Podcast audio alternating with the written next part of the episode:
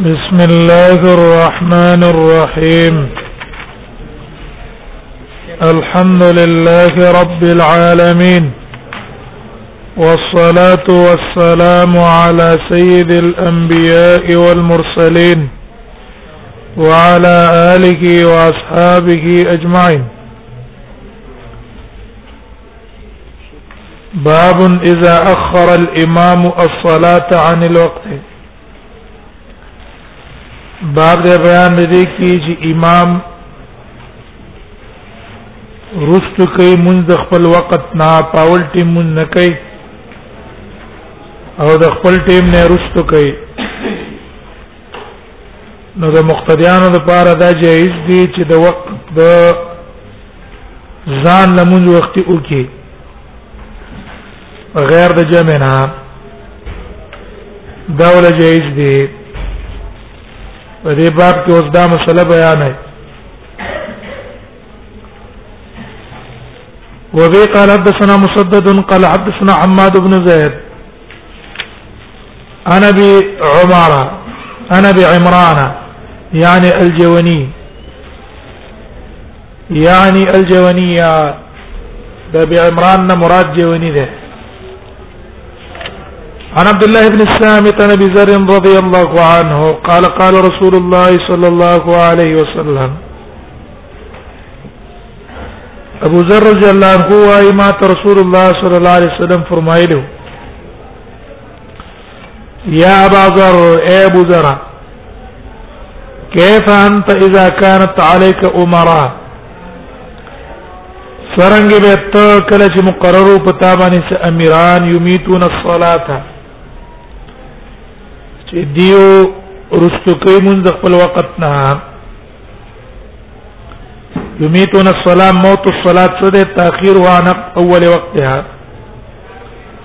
دا اول وخت نه رستو کې دا د مونږ مرګ ده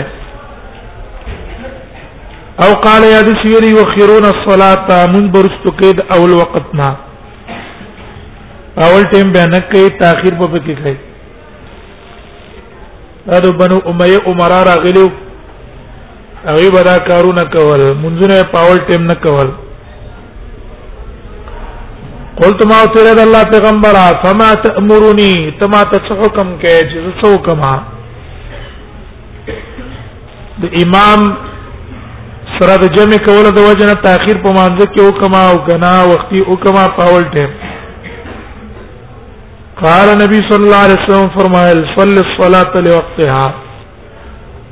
کوا منځ له وخت یا پاول ټیم پاول ټیم ځان له منځو کا دا فرضي منځ بزان له او کې بلا جما فإن أدركتها معه او کوم مندل کو دا منځ دی وسره به دې منځ کو ته مسره وي فصلي وسره وي کا فإنها لك نافلة زکه دا رستنه منځ بستا د پاره نه پلي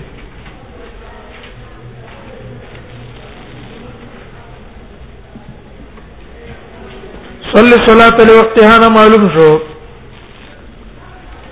امام په خپل ټیم باندې مون نه کوي یا په سي طریقه باندې مون نه کوي نو دا یو سبب ته مسقطات جماعت ستانه جمع ساقطه ده ځان له اون کولای شي او په دې شرط چې رستو جمع مونږ په خپل ټیم نه کیږي او یا صحیح مونږ والا نه کو سره مند کو وی کا کني کول در باندې به ته لازم نه دی فانها لك نافله دا ستاسو لپاره نفل له فإنها لك نافلة دا باب صریح دی په دې کې اولنې مونږ فرض ده او دا دې مونږ چې تا د امام سره په جمع باندې وکړو دا نفل ده انها کی زمین چا تراجه شو فصلحته ادرکتها ما هم دې ته زمير راجو شو دا سکوا استاره پار نه پرل او دا مذهب د جمهور علما او او په دې حدیث باندې قول کړه دیم قول امام مالک رحمه الله دې مشهور مذهب ته امام مالک اغوا يدخل في الثانيه په دویم رکعت په دویم منځ کې به داخل شي د امام سره خو مفوضه الى الله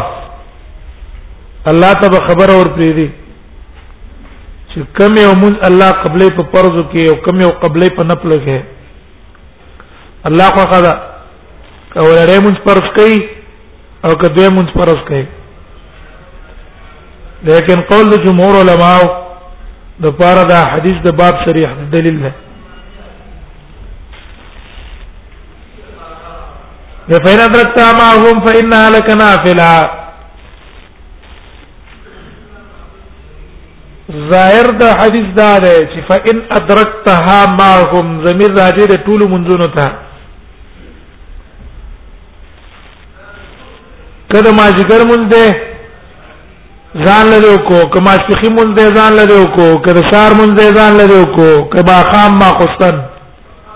او بیا دې امام سره مند کو نو د امام سره او کا فإنها لك نافلة دا بستاد پار نه پي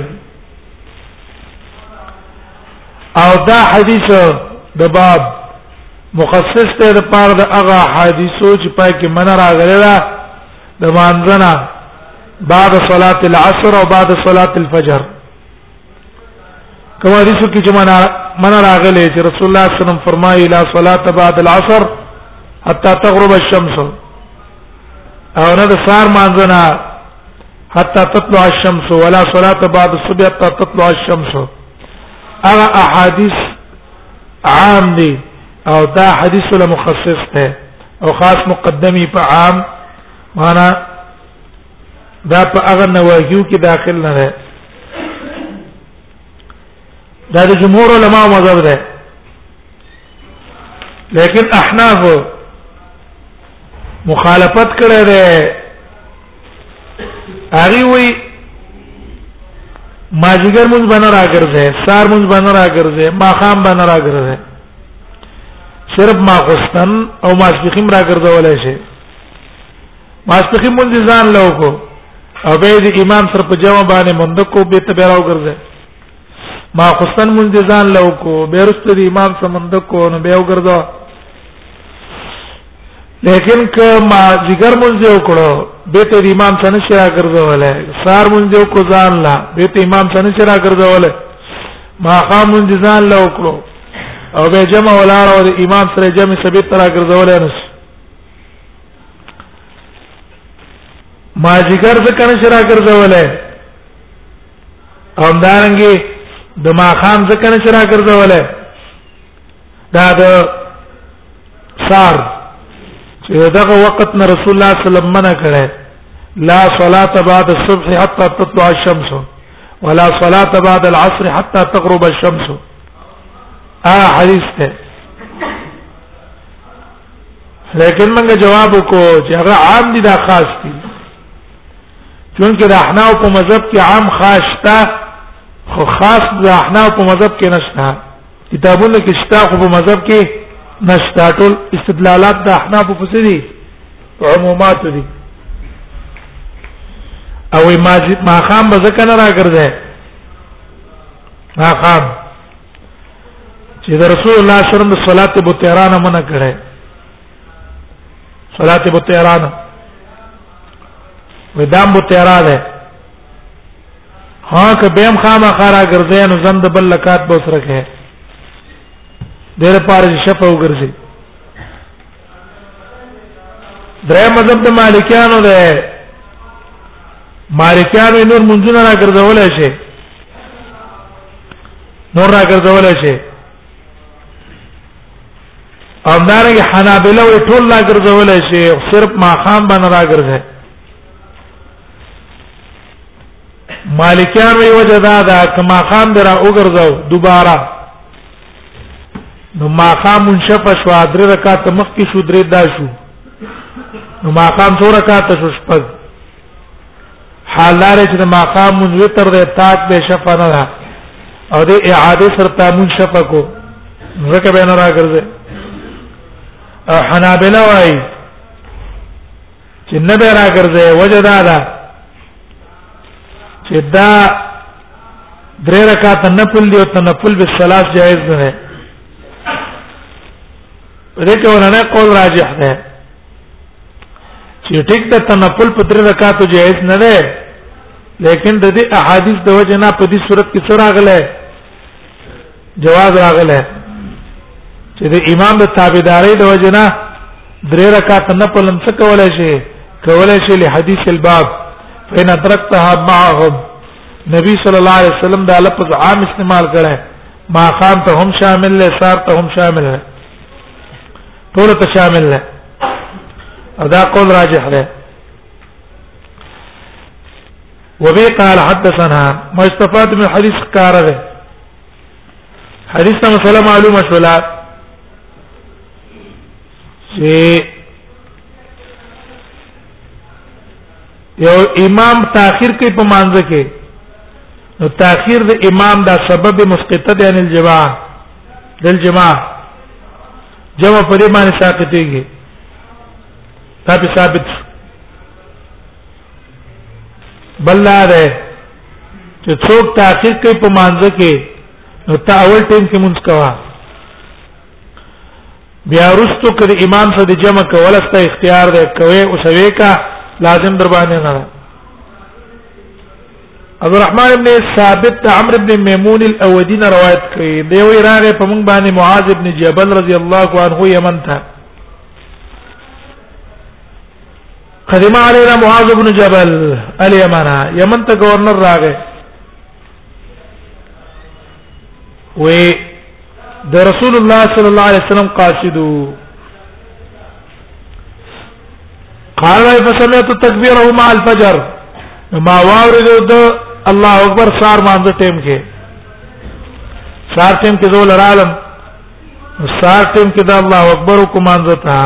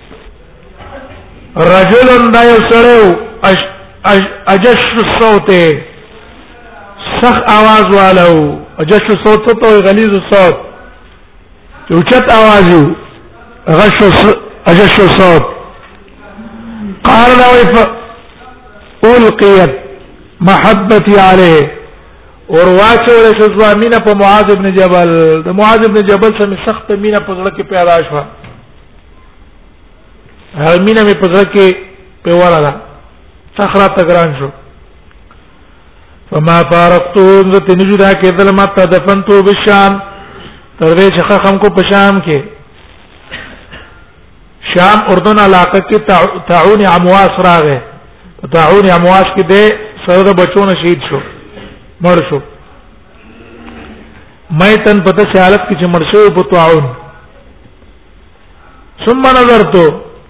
به مې وکتل دا غن رستو اله فهم الناس بعد هغه کس ته چې هغه ډیر فقيه دی پس ددنه فاتت ابن مسعود بن عبد الله بن مسعود تر عالم عبد الله بن مسعود لم الله پی ور کړو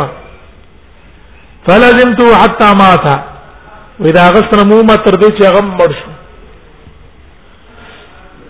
قال دا وای فقال لي وې دې عبد الله بن مسعود ماته حدیث بیان کړو چې ما ته رسول الله صلی الله علیه وسلم فرمایلی دي کیف بكم اذا انت عليك یا اذا اتت عليكم امرا وې څنګه به تاسو حال اذا اتت عليكم امرا کله شرال پتا سبحان امیران اذا اتت علیکم امراء کله چرال پتا سبانی امیران یصلون الصلاه لغیر میقاتها چې کوي مونږ به غیر میقاتها به وخت په اول ټیم مونږ نه کوي بلکې مونږ کې تاخير کوي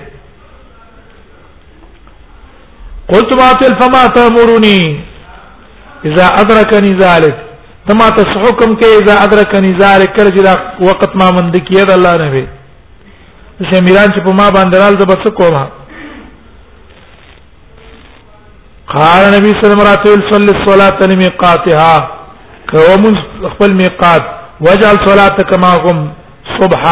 او به وګرځو خپل مونږ داغي سره په اول بازار لمونږ کې بیا به د امیرانو سره چې کوم مونږ کې په جمع باندې ابستانه پلي هلال ابن اسحاق روایت کړه بالمثنى انا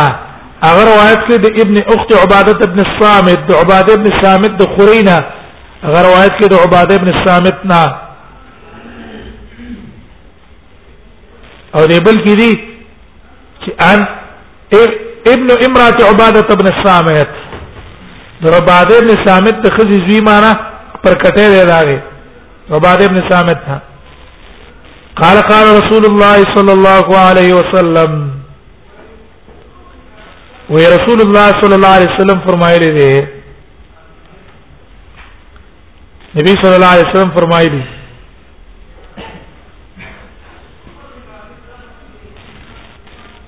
انها ستكون عليكم بعد امرا شان دا دې مقرر بشي په تاسو باندې زمان رست ساميران شان ور باندې راش تشغلهم اشياء عن الصلاه مشغوله باغې اشياء څه کارونه عن الصلاه د مانځنه خپل ټیم به منځونه نه کوي تاخير به پکې کوي دی وخت یا پاول ټیم باندې په مونږ نه کوي حتی یذهب وقتها تر دې چې دا غي وخت بلاړ شي نفصل الصلاه لوقتها تاز مونږ پاول ټیم کوي مونږ په پاول ټیم کوي فقال رجل يا رسول الله یو سړی ویل د الله پیغمبره اصلي ما هم زه سره مونږ کوما ورغی سمونږ کوم قال نبی سمع نامه ان شئت که خو خلی هغه سره به وک په جمع وقال سفيان ان ادركتها معهم ان ادركتها معهم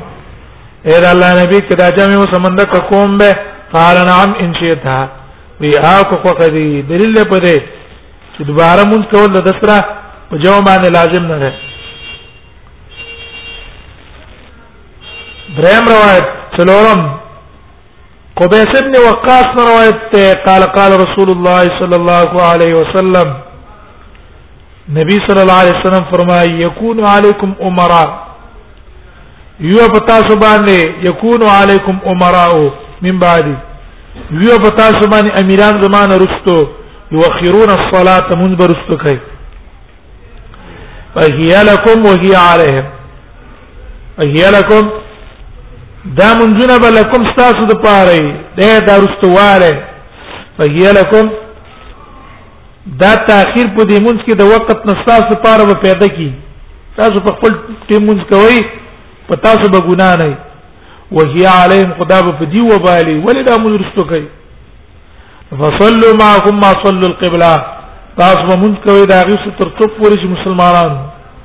ما صلی القبلة قبله ته مونږ کو معنا دا چې ذریات د دین نه منکر نه وو او تاسو بغاوت مکوئ هغه د ذریات د دین نه انکار وکړو بیا دا مسلمان خلیفہ نه ده په پس دا غره ته بغاوت کولای شي باب فی من نام عن صلاه او نسیها باب بیان دې کې سره د مانځنه ود پاتې شو او نسیها یا تیر شو او د خوب نه را پاتې دو یا او تر آیات شو نو آیا دا به انتظار کوي دا هغه وخت مکروه چې کم ټیم کې تر آیات شو یا د خوب نه را پاتې دو چې دا وخت مکروه تیر شو او کنا په ټیم باندې به مونږ کې وخت مکروه ته بنګوري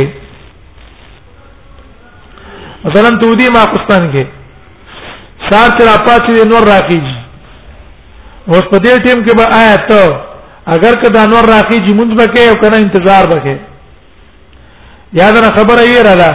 خو چې تر آیات چې ما خو مونږ نه کړه هغه وخت مکروه ټیم ده آیا په دې وخت مکروه کې مونږ کولای شي په وخت تذکر کې او کنه صبر وکړي چې وخت مکروه تیر شي او منځ نه یې څو دغه قضا طریقه څنګه ده دا ټول په دې کې ذکر کړي دا ابو هريره رضی الله عنه روایت ده ان رسول الله صلى الله عليه وسلم حين قفل من غزوه خيبر وای کله چې رسول الله صلی الله علیه وسلم را واپس شو د غزوه د خیبر نه خیبر د غزا نه واپس راتلو شپږم کال باندې دا غزوه او خیبر دا د مدینې نه وړاندې ځای دی شام طرف باندې ته پروت دی نو خیبر ته ځکه خیبر اصل کې يهودي ده کې قلات ته وي لغت کې دلتم قلاګانې وي یا د خیبر ابن قانیه یو سړی تر شوی د علاقه بعد کړي ورځ کې ته خیبر وینو په خیبر ته نبی سم ذکر د خیبر د غزا نه واپس شو فسار لیلا نو د شپې شپې نبی صلی الله علیه وسلم مزل وکړو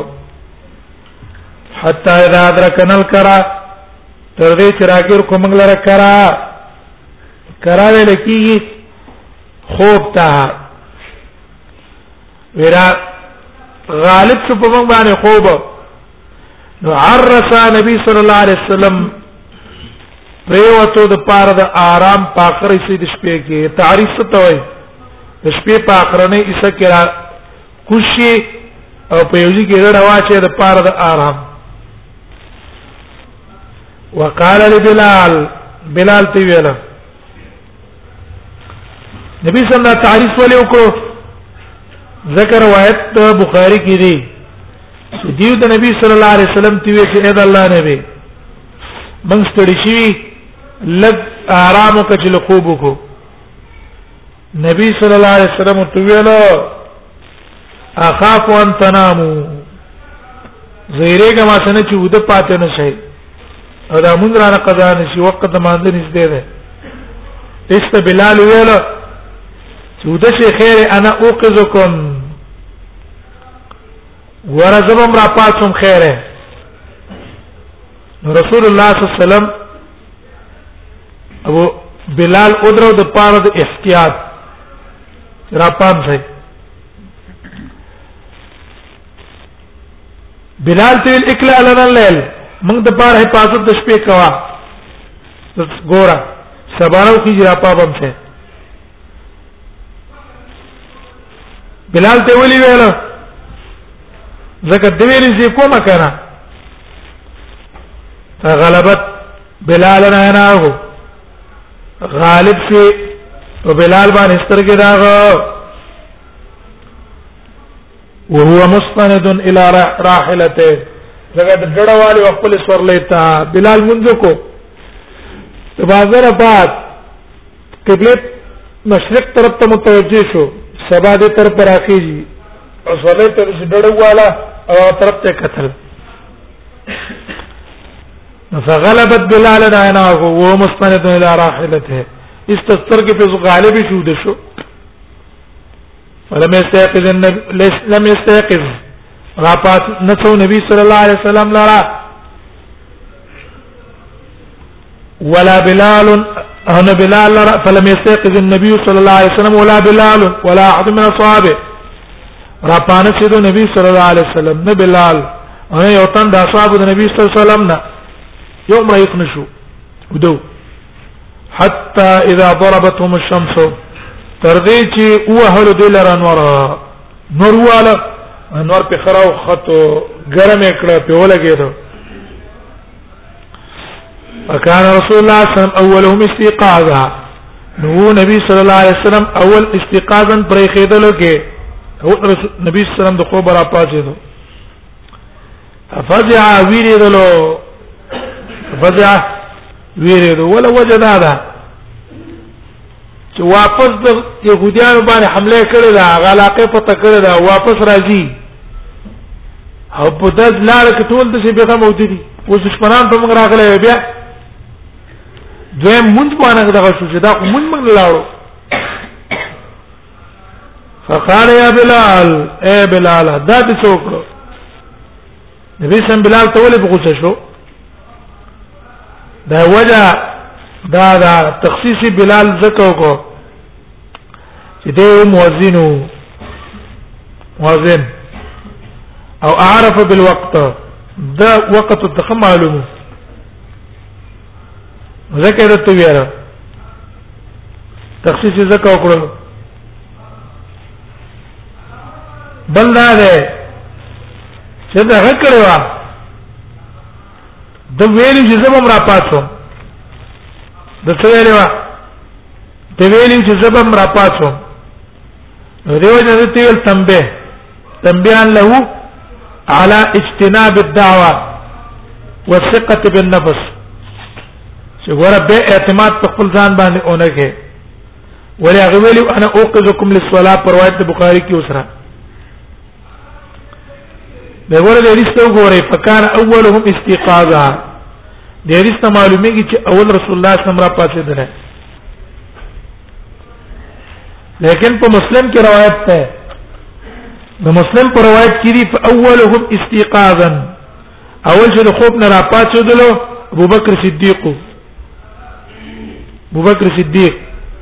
هغه مخکې راپاتېدل نو ظاهر کې د دوه روایتونو منځ کې تعارض دی د بخاری او د مسلم تطبیق د روایتونو منځ کې دا ده چې دا محمول له تعدد د واقعاتو اګه دا جواب قاضي عیاض کړه قاضي عیاض وایي چې حدیث د بخاری محمول له په یو واقع او حدیث د مسلم محمول له په بل واقعه په یو کې رسول الله صلی الله علیه وسلم د ټول ناول لا پاتې ده نه په بل کې ابوبکر صدیق د ټول مخ کې را پاتې ده نه دا محمول شو په تعدد څه محمول شو په تعدد واقعاتو هغه محمول لك او د دې خبرې تایید دا کوي چې په دې روایت کې نبی صلی الله علیه وسلم ابو بکر ته ویلي چې تاسو موږ د پاره پازت وکا اکل علن الليل بلال ته ویلي اکل علن الليل موږ ته د شپې پازت وکا روایت تبرانی کې دي چې رسول الله صلی الله علیه وسلم چې امر ته په حفاظت باندې کړو هغه ذو مخبر ذو مخبر رضی الله عنه ته نبی صلی الله علیه وسلم ویلو چې تاسو موږ د شپې څوکیدارې ته ودرېګا لیکن پر روایت صحیح ابن حبان کې روایت صحیح ابن حبان کې راځي چې کم کس چې حفاظت کو د شپې څوکیداري ته ولاړ حفاظت ته هغه عبد الله ابن مسعود عبد الله ابن مسعود څوکیداري ته ولاړ د شپې حفاظت ته ولاړ دا دلالت کې په تعدد د واقعاتو فقال ان بلال تو وینا عذر پیش کو ویل اخذ بنفسي الذي اخذ بنفسك واغسل زمارو اغزا چې ستارو غسل اې د الله پیغمبره بیا بیا انت او امي زما مور خپل دستانه قرباني ما مور خپل دستانه قربان شي کوم الله چې ستا روح واغستو نو بس مانه واغستو فاقتادوا رواحلهم ودي روان کو رواحلهم خپل سور لې سورلې ولې دې نه بوت ده شي ان لګ غوند کې بوت نه ده وجه دا ده چې نبی صلی الله علیه وسلم او فرمایل ان هاذا واد به شیطان دا علاقه ده په دې کې د شیطان تسلط ډیر دی د شیطان د تسلط ته وجه موږ نصار مونږ هم لاړو هاذا واد به شیطان او علت طلوع الشمس نه ده طلوع الشمس چې نور راختله لکه احناف چې وایي احناف چې نور راخیږي په دې وخت به قضا نه کوي ولې ویل ته رسول الله صلی الله علیه وسلم مونږ نه کړه فقطادوا رواحلهم صلی مکه بوتلی دا علت نه ده وجدا دا په دې رښتیا حتى اذا ضربتهم الشمس څه پیراغله نور پر خطلې والې نور دی ولرا ضرب الشمس کوم وکی چې بره خطلې به حدیث د عمران بن حسین کې رسول روان ده فما ايقظنا الا حر الشمس فما ايقظنا الا حر الشمس وو وې د نور ګرمۍ باندې موږ را پاتې دوه او ګرمۍ چې نور کوي نو دا بعد ارتفاعها نور پورته شوی پس دا غې نه کوي فقطاد رواحل او اور سبن کېږي دی روان کړو رواحل خپل سور لای مخکې بوتللې فقطاد رواحل ثم توضا النبي صلى الله عليه وسلم به نبی صلی الله عليه وسلم او د سکو نبی صلی الله علیه وسلم به اودس وکړو وامر بلالا احكمك بلال تا فاقام لكم الصلاه اقامت کو دې لپاره د مانځه اقام لهم الصلاه ظاهر د حدیث نه کوئی قامت معلوم شو چې قامت یې کړه اي اذان کړه کړه کنه ده کړه اذان کړه کنه نو یو سره د فوتی مونږ قضا راوړي په جمع سره نو آیا د هغه لپاره اذان شته ده کنه صرف اقامت بکای دا مسله اختلافي ده د علماو مزتي یو مذهب ته د امام مالک د اوزاعي او د قول جديد ته د امام شافعي ان الفائت يقام لها ولا يؤذن لها یو سره د پوتی من قضا راوړي په جمع سره د فوتی منقضا راوړي په جمع هغه د پاره به صرف اقامت کې اذان ولنشتا صرف اقامت ولوکا اذان هغه د پاره نشتا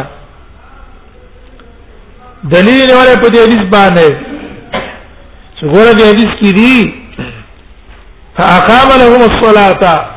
صرف اقامت د مان ذکر اذان نه وکړه دویم استدلال نه وره په حدیث د ابي سعید الخدری امام احمد راوړی هغه حبسنا يوم الخندق حتى ذهب هو من الليل وې په غزوه خندق کې موږ بند کړې شو د مانځرا تر دې چې 13 شو 30 د شپې حتى ذهب هو من الليل د شپې 30 پاکه لاړه فدعا رسول الله صلی الله علیه وسلم بلالا فاقام الظهر وی نبی صلی الله علیه وسلم بلال له غختلو ما خان د ماسپخین اقامت وکړه فصلاها كما كان يصلي في وقتها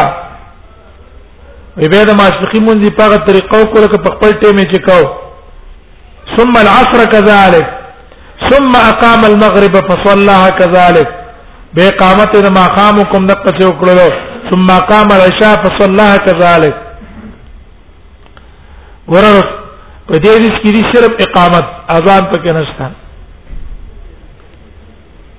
دویم دی وای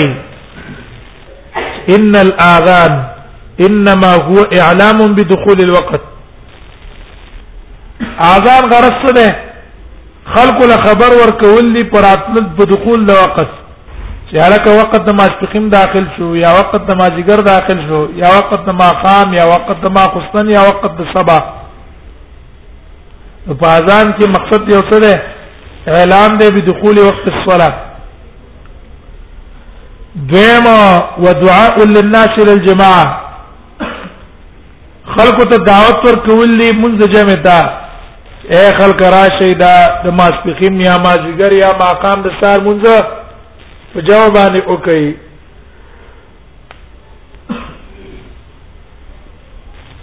اذان د څه غرضونه دي دا ټول غرضونه د قضا په مانځ کې شته ده نه ځکه و وقت القضاء و وقت قضاء ليس وقت اعلام بدخول الوقت وقت د قضاء خو اعلام بدخول الوقت نه ده چې تخلق له خبر ورکې چې وقت څه شو داخل شو لکه دا وقت د دې مونږ وخت خو نه دا خو به وخت ده او لا دعاء للجماعه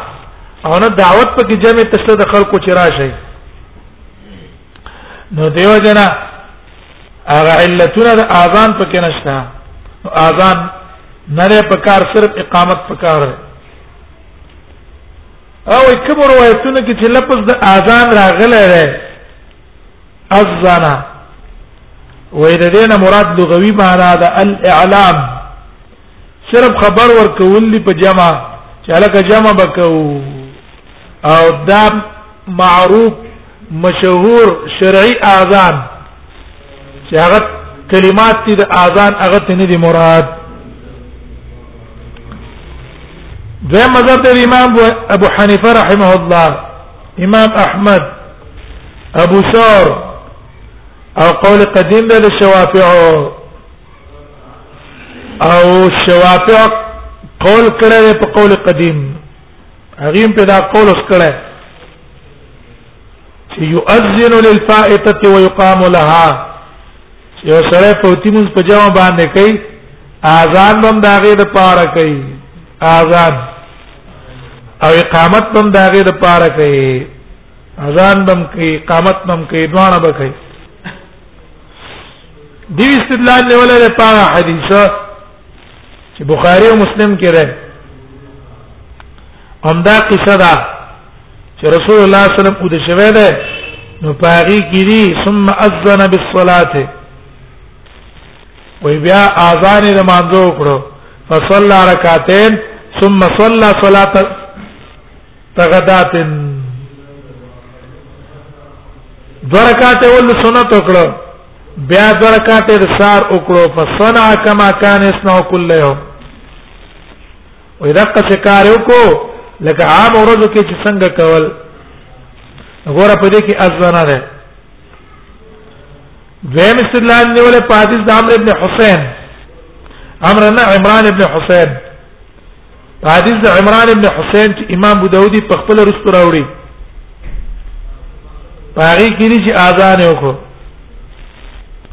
نو ورپسې عمرو ابن امیه روایت ته چې امام ابو داودی راوړي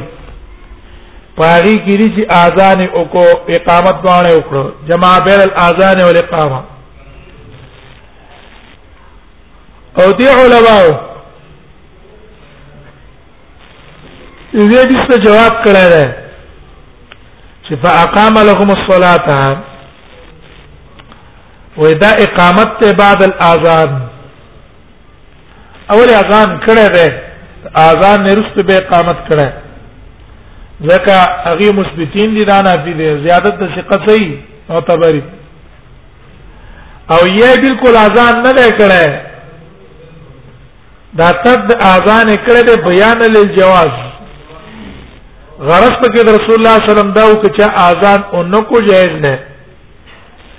لیکن اذان کول بهتر دي چې سره وکړي کې دې چې دې زره زکه اذان نه کړه بیان للجواز خبره زموږ په افضلیت کې را استحباب کې را هر چې حدیث د خندق ده نبی سید الخدری والا روایت دا غینه جواب ده ده حدیث د خندق په ابتدا کې ده په دریم کال د هجرت د خندق غزوه او دا په شپږم کال د هجرت ته دا رسنۍ ده او عمل چې کېدای شي د رسول الله صلی الله علیه وسلم په اخرنۍ خبره باندې به عمل کیږي دیم جواب دا ده چې د خندق په باج روایتونو کې دا شته او سره په باج روایتونو کې امر بلالا فاذن ثم قام په خندق کې نبی صلی الله علیه وسلم بلال ته امر په اذان کړه او دا اذان نه رسته به قامت کړه ارته دعوه ده دې چې وایي اذان حق ده د وخت د اذان چې کیږي د څه د وجه ده اذان خلک د دې د وجه نه کوي چې خلکو له خبر ورکول لې په دخول د وخت او یا دعوت ته جماعت طرف ته دا خبره ټیک نه ده دا موږ نه مانو بلکې دا اذان قران کې دې د پاره د منځ د پاره ویل شي کته دا منځ په وخت کې او کدا منځ به وخت کې او چې جمع کې دا غیر د پاره شریعت اذان ویل دا قران کې دي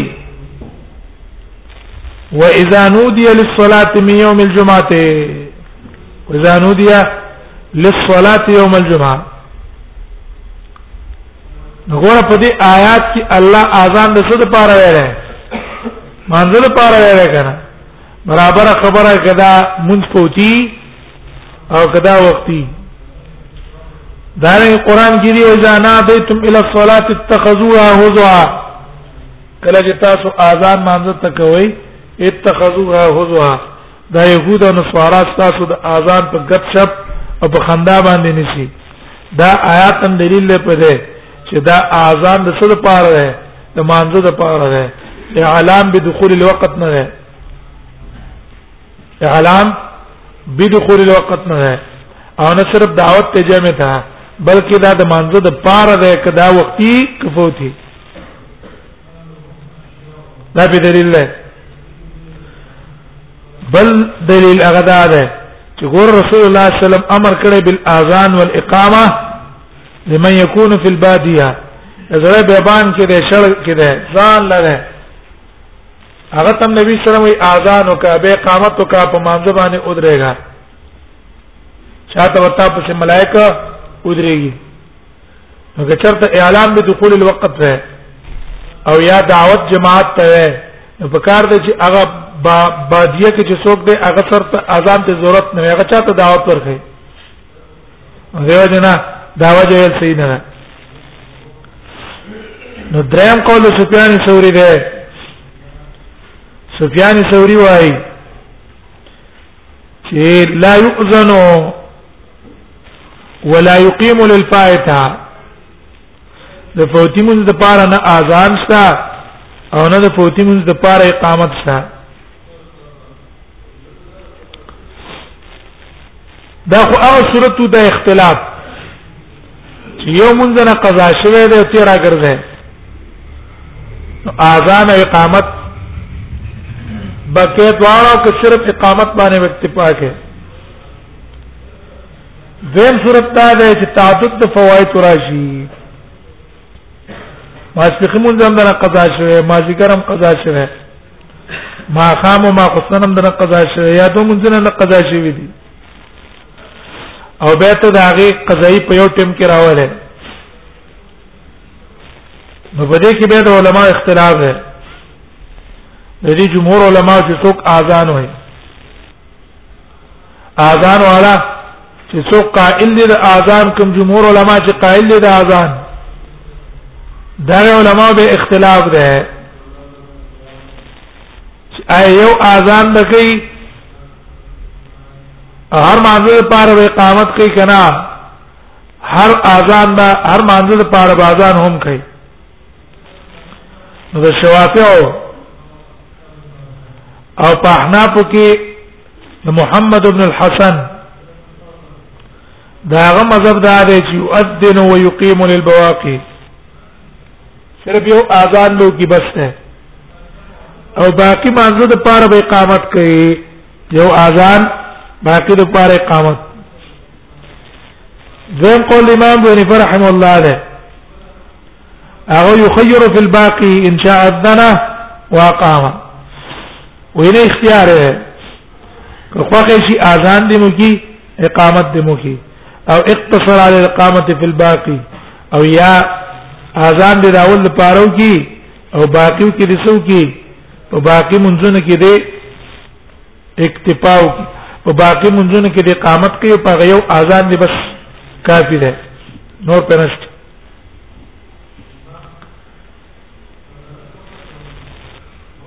ثم قال فلما قضى الصلاه کله چې موږ پورا کو قال نبی صلی الله علیه وسلم فرمایلا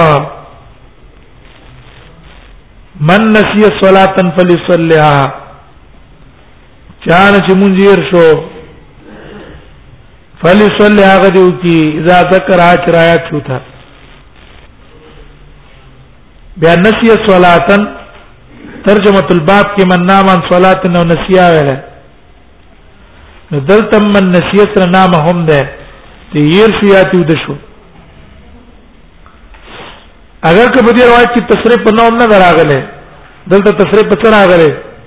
تصریف په نسیان راغله او په روایت ترمذی کې د ابو قتاده نه روایت د ترمذی کې د ابو قتاده نه او پر روایت د مسلم کې د انس نه الته تصریح راغله د پلپس د نوم تصریح راغله د پلپس د نوم چې سره د مازنه او د پات شو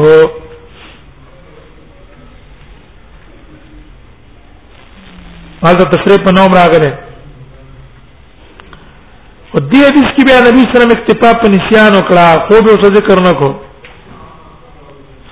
اکتفا صرف په نسیان وکړه وجه دا ده چې دا خوب او نسیان یو شی دی خوب او نسیان یو شی دی هغه دا چې په دواړو کې عدم شعور دی عدم شعور نسیان په صورت کې سړی ته پته نه لګي د مانځ او د خوب په صورت کې سړی ته پته نه لګي د مانځ دوی مشارکت لري په عدم التقصير في كل منهما کله نسیان د وجه مونږ پاتې شو ته ګناګار نه او که د خوب د وجه نه مونږ پاتې شوم ته ګناګار نه چون کې په دوانو کې څه نشته تقصير نشته نو دیو جن هغه څه تشبیه ورکړه فليصليها اذا ذكرها ودي کی چې تلو کلو تر آیات شو دا جمله دلیل على وجوب قضاء الفائته على الناس والنائم چانه چې مونږ یې ورشوي ده یا ته ود شوي ده و تر آیات سو یا د خوب نه را پاتې دو هغه باندې دا مونږ قضا په واجب ده فرض ده په دې وجوب د قضا کې خو اتفاق ده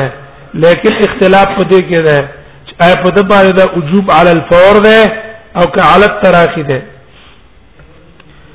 علی الفور التراخی معنا دا ده قسم دواره وسنه کول ګرستي وکړو نو په دې تاخير مجرم به کنه ده کوم علما چې وایي چې وجوب په علی الفور ده نو هغه وی دا څه ده ده په دې تاخير باندې ګناګار ده او چې کوم علما وي چې الفور په واجب نه ده تراخي په کې جائز ده د هغه علما په نسبت نه هغه علما په نسبت د دې لپاره تاخير څه شول د دغه علما په نسبت باندې د لپاره په دې تاخير کې ګناګار نه ده نو په دې فور او تراخی کې اختلاف دی امام بونی پر رحم الله د امام یوسف او د کرخی او په شوافیو کې د مزنی رحمهم الله جميعا د ټول علماء قول لاره چې سره مونږ تیر شوی دی یا د مانځنه او د شوی یو خوب نه راپاتې دو یا مونږ تر آیات شو نو په د باندې د دې مونږ قضا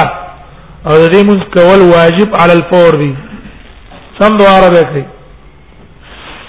سم دواره اونکو تاخيري په کیو کړوندا په دې تاخير باندې ګناګار دی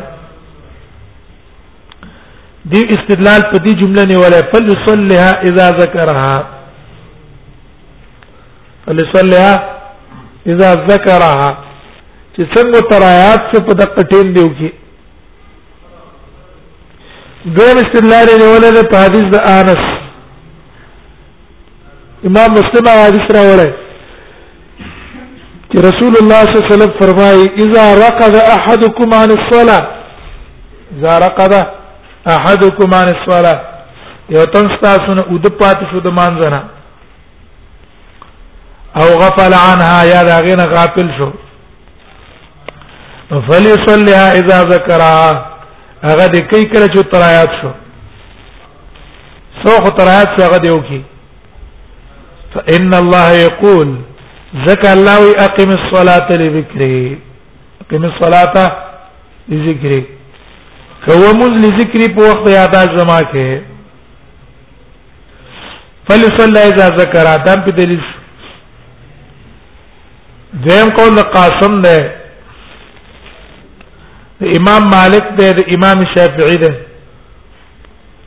دا علماء وی چې یجب القضاء على التراخي په دې سړي باندې قضا واجب ده خو على الفور نه ده على التراخي ده قسم دواره اونکړو او رسته دې مانځه قضا پر رسته قضا راوړ په دې تراخي کې دې ګناګار نه ده دې استدلال نه ولر هغه روایت چې په دې باب کې دی پاس فقتادو رواحلهم شیئا فقتادو رواحلهم شیئا ګوره کدا قضا علی الفور لازم وي رسول الله صلی الله علیه وسلم به دغه ځای نه سورلې اخوانه بوتلله دا سورلې چې بوتللې دا دلیل په دې باندې چې قضا علی الفور لازم نه ده رسول الله صلی الله علیه وسلم چې دوی ته امر بالارتحال وکړ د دې زینا دا دلیل په دې خبره چې قضاء الفور لازم نشو ارجه دا حدیث ته فل صلی الله اذا ذکر دا حدیث ته فل صلی الله اذا ذکر نو فل صلی الله اذا ذکر او دا محمول له استحباب محمول له بسبانه په استحباب باندې مستحب دار چې پارټي میو کی دیم دی وای چې د حدیث کې دی فلسله اذا ذکرها نو دی وقت د تذکر متسع ده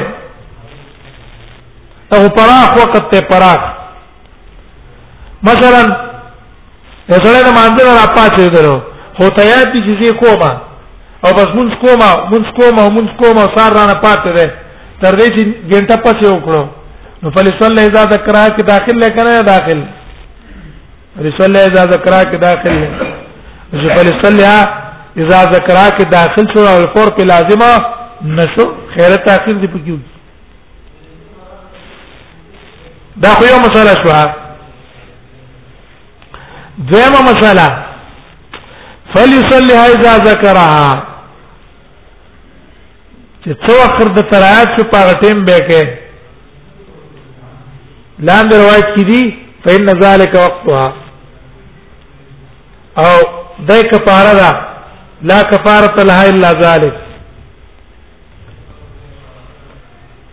هغه دا چې یو سره ده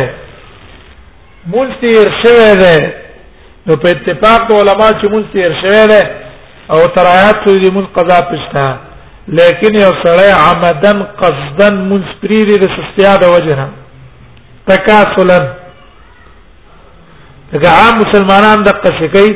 د سستیا او د تکاسل د وجنه څه کوي مونږ پرېری او بیا وروسته توبه وباسي آیا د دې منځونو قضا پښته کنستا رد عمدن مونږ پرېری عمدن تکاسلا آیا د دې مونږ قضا پښته کنستا دا مسله اختلافي ده د علماو منځ کې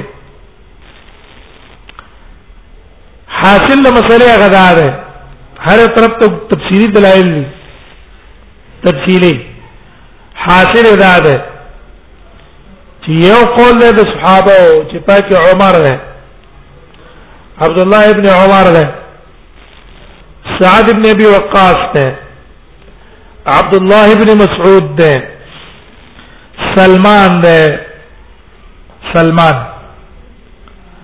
او داري بتا کت علماء کی قاسم ده داوود ظاهری ده عمر ابن عبد العزيز ده محمد ابن سيرين ده او مطرف ابن عبد الله ده او ابن تیمیه او ابن قیم رحمه الله ده او ابن حزم ده د دې علما مذهب دا ده چې لا قضاء على من ترك الصلاه متعمدا کم انسان چې قصدا عمدا منسپری وي بغیر د نسیان او بغیر د خوب نه بلکې قصدا عمدا منسپری وي نو په دې سړي باندې سنشتا په د باندې دې منځونو قضا نشتا او دې استدلال نه ولا په مفهوم د دې قول چې من نسي صلاه او نام عنها رسول الله صلی الله علیه وسلم د قضا د پاره شرط څه لري نسيان او یا ود کېدل مناوه یا سره د مانځنه ود شو یا تیر شو فلصلها او قاعده دا چې انتفاع د شرط مستلزم د انتفاع د مشروط لرا انتفاع د شرط مستلزم د انتفاع ده مشروط لرا او د ست نشته او د شرط مانزه د پاره ده کنه ده او د شرط د پاره د صحت د صلات چې او د ست دې مونږ کیږي مونږ نه کیږي نو ګور رسول الله صلی الله علیه وسلم د قضا د پاره شرط څو لګاو قضا د پاره شرط نسیان وګو ویلو او د کېدلی ویل من نام من نسي صلاة او نام مانځنه او د شوي یاد نه یې شو فلصلها به به کې ته نیو د شوي یې شي ود نه نه نو بیا د دې کول پتا نشته انتفاع د شرط مستلزم ده انتفاع د مشروط لرا نو معنی دا شو چې من لم ينسى هیر شوی دی نه عمدن مونږ پر خوستلې ده نو دا هغه باندې قضا د مانځنه نشته مونږ باندې کوي زم قول د جمهور علما ده جمهور علما یجب علی القضاء ايضا دم قضا لازم نه او په دې احادیثو کې چې قید راغلی ده مثلا د نسیان یا د خوبه نو دا احترازی نه ده احترازي نه ده چې دې په مفهوم مخالف باندې منګه عمل وکړو بلکې من باب التنبيه بالادنى على الاعلى من باب التنبيه بالادنى على الاعلى دا د باب التنبيه بالادنى على الاعلى دا سمعنا چې ګورتا د خوب د نسيان د وجنه پاتې شو د نسيان د وجنه یادنا د خوب د منځره د نشان د وجه نه پاتې شو د خوب د وجه نه پاتې شو نو پاغي کې به داغه قضا راوړي نو چې عمدن قصدن پرې په غیر د نشان نه داغه قضا خو به خامخا راوړي فإن الله قال أقم الصلاة لذكري وی الله تعالی وای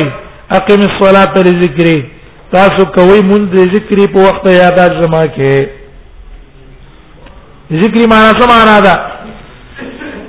یا اضافت مصدر ده مفعول تھا اضافت مصدر ده مفعول تمانا سے لتذکرنی فيه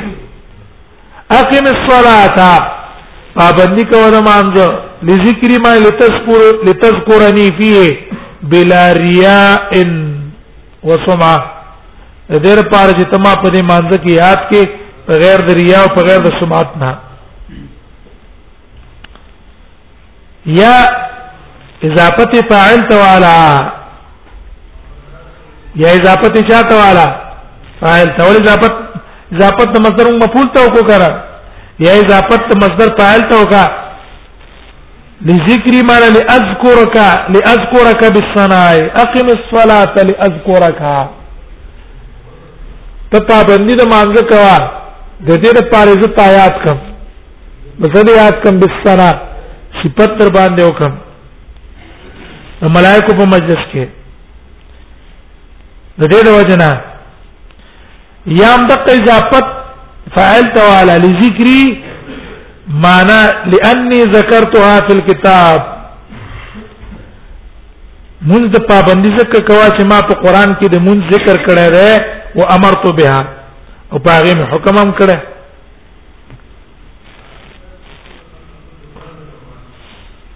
قال يونس يونس وكان ابن شهاب يقراها ابن شهاب الزكي ولا قال احمد قال انبسا يعني يونس في هذا الحديث للذكرى لذکر په دې څه ویل دی لذکر او احمد تفسیر د کرا کړه په ناس باندې ما استفاد من الحديث حديثنا مثلا معلومه شولا مشروعيه النوم واخذ الراحه عند الحاجه وقت ضرورت کې سره ودی کیږي او آرام کوي دا جایز ده نه روانه ده دویم ته معلوم شو طلب اتخاذ الحارس للامور المهمه ضروری کارونه چې ځان له چوکیدار مقرول پکار دي بل ته معلوم شو ان النبي صلى الله عليه وسلم تجوز عليه الاعراض البشريه کوم چې انساني اعراض دي پر رسول الله صلی الله علیه وسلم اغرازي لکه خوب شو متکیدل شو په دې کې څه نقصان د دین نشته کنه دا پر راځي بلته معلوم شو مشروعیت قبول عذر من لم يفي بما وعد به یو تن تاسو وعده کړي او سره په خپل وعده باندې پوره واله اونکی او به تاسو عذر پیش کړئ ته دا عذر قبول کا خیر ہے چې عذر پاغه باندې راغلی ګورل ته بلال او زبر برا پاتو را پات نه کول نو نبی صلی الله علیه وسلم دا وله نو دا تاسو پیش کو چې اې الله نبی بس زه کوته پات شوما خیر ما معذور وګڼه بل ته معلوم شو طلب پکار ده طلب قضاء الصلاه الفائته چې مونږ نه فوت شو هغه بخامه کاکه مشروعیت الاقامه لها والجماعه فيها قضاء من تجوا باندې راوړي اقامت په ملکه جواب هم کې وعلى ان وقت الصلاه الفائته او کوم وخت چې ترایات صدق وقت د فوتی مونږ ده دا هغه ټیم ده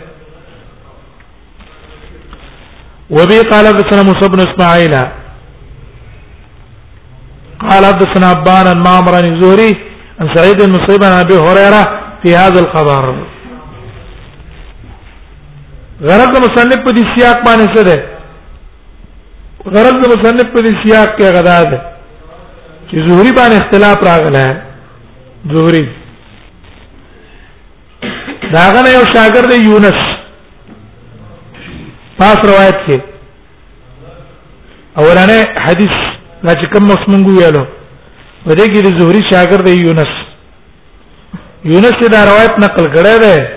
خو پای کې دا نشته چې رسول الله صلی الله علیه وسلم امر بلالا بالاذان عند الصلاه رسول الله صلی الله علیه وسلم جن امر دلته امر او تسوانه کړه په اذان هغه کې صرف امر بالاقامت لیکن معمر را لګیدل دی معمر معمر را لګیدل دی هغه دا روایت زهری نه نقل کړه هغه په کې اذان او اقامت دواړه ذکر کړي باندې ذکر کړو امام داود اشاره کی اختلاف تھا چې د زهري نه معمر روایت نقل کو بالاذان او یونس روایت نقل کو صرف بالاقامه دیو جن وسطو ګورئ وبقى سنة موسى بن إسماعيل قال سنة عبان قال سنة معمر عن الزهري عن سعيد بن المسيب عن أبي هريرة في هذا الخبر قال رسول الله صلی الله علیه وسلم تحولوا مکانکم رسول الله صلی الله علیه وسلم خپل ځای نه لاړ شئ دې ځای نه لاړ شئ الذي اصابتكم فيه الغفله چې تاسو په غفلت درو رسول قال فامر بلالا فاذن وقام حکم بلال تو کو هغه اذان مکو واقام اقامت مکو وصلى منزل مکو بیا دا امر بالاقامه دا روایت د معمر به هقی راوړه بیا رستوي والاذان في هذه القصه صحيح ثابت وګوره په دې دې حدیث کې اذان صحیح ده اگر که بعضو نه ذکر کړه وردا به هريره پر روایت کې د اختلاف کې د زهري ولیکن نور کسانو چې دا روایت نقل کړل لکه عمران ابن حسین هغه نقل کړی عمرو ابن امه اميه نقل کړی دا هغه په قصه کې آزاد شته یو نه آزاد ثابت دی قال ابو داود رواه مالك وسفيان بن عيينة والاوزاعي وعبد الرحمن ومعمر بن اسحاق غرض قال ابو داود کې څه ده غرض غرض قال ابو داود کې په دې تعلیقونه کې غرض د مصنف رحم الله تقویت ته د روایت د یونس بعدم ذکر الاذان فيها یونس اذان د ظهرین نه نه نقل کړي صرف اقامت نه نقل کړي نو دا قوی ده په نسبت د روایت د معمر معمر چې اذان نقل کړي ده دا غي په نسبت باندې روایت یونس قوی ده او په دې کې اشاره کوي دیتا چې ذکر د اذان په حدیث د ابو هريره کې قوی نه ده ولې دا د زهري نه صرف ابان نقل کړی لن معمر چا نقل کړی ابان نقل کړی لن معمر نور چې څونه کسانو دا روایتونه نقل کړي پای کې نشته دوه ګوري قال ابو داود وايي رواه مالک او سفيان بن عيينه حدیث امام مالک هم نقل کړي سفيان بن عيينه هم نقل کړي او زاعي هم نقل کړي عبد الرزاق هم نقل کړي د معمر نه او عبد الرزاق د معمر نه او ابن ساق هم نقل کړي دی ټول چې د معمر نه نقل کړي دی ولوزاعي او عبد الرزاق نقل کړی د معمر نه او ابن سعد لم يذكر احد منهم ولا زان في حديث الزهري هذا یو ترم اذان په حدیث زهری کې نه ده نقل کړه او ولم يسند منهم احد الا الاوزاعي او نه ده سند ذکر کړی دی نه یو تن مگر صرف اوزاعي او ابان العطار معمر د معمر نه غرض باندې ولا زیدلې معنی صرف دې کسانو دا روایت نقل کو لیکن ته خبر د مصنف څنګه ده دا خو یو غرض شو غرض مصنف یو څه شو اولنې غرض تقویت ته د روایت د یونس دا غرض دیم غرض ولم يسنده منهم احد الا الاوزاعي وابان العطار المعمر دیم غرض په دې جمله کې ده هغه دا چې په دې زهري باندې اختلاف راغلی پر په حدیث کې رفع ده حدیث کې په اختلاف راغله امام مالک دا حدیث نقل کړی په موطا کې سفیان ابن عینم نقل کړی عبد الرزاق هم نقل کړی عبد الرزاق ابن حمام دې ټول دا روایت نقل کړی د مرسل ابو هريره په کې ذکر کړی مرسل له مرسل ابو هريره په کې نشته لیکن اوزاعی او ابان او یونس دیو را لګیدل دی دا حدیث نقل کړی دی متصل بذکر ابي هريره ویشه په امام ابو داود قال ابو داود کی څه ته اشاره وکړه دوه خبرو ته یو اشاره وکړه دیتا چې د زهري څونه شاګردان دي نو پدې کې صرف ابان د معمر نه ذکر د اذان کړه نور چې د زوري څونه شاګردان دي هغه ټول چې دا روایت نقل کړي ده نو پاره کې صرف اقامت ته چې پوتی مانزه د پاره اقامت کړي ده اذان نه ده کړه یو نو دیو جنا دا لفظ د اذان په دې حدیث کې ذکر کول زویب شو دویم اشاره وکړه ته چې د زوري څونه شاګردان دي نو دوی خپل منځ کې اختلاف کړه درې شاګردانو یونس چې دا کوم روایت مونږ ویل یونس دویم ابان ان مامر نزوري دا چې اوس کوم وایي ابان ان معمر ان الزهري دویم شاګرد معمر دریم شاګرد اوزاعي دې دریوانو دا حدیث مرفوع کړی دی په ذکر د ابو هريره ابو هريره په ذکر کړی او د دې نه په غیر چې نور څونه شاګردان د زهري دي دې ټول دا روایت څه کړی دی د مرسل نقل کړی دی ابو هريره په کنه ذکر کړی دی دښوا د امام مالک روایت چا راوړی دی مشارو ته موږ کوم مالک موطا کې راوړی باقی دا نور روایتونه لم نقف على من اخرجه متصلا چا راوړي هو دا اول خبره جواب ده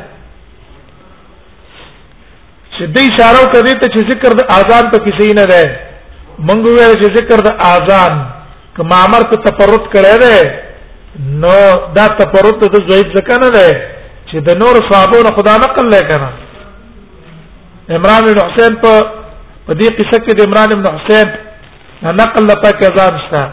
د عمرو ابن امیہ نه دا قصه نقل لا پای کې څه شته اذان پکې شته نو که په دې روایت کې نقل نشو نه دي نقل شي زه د بهقي قول موږ نقل کو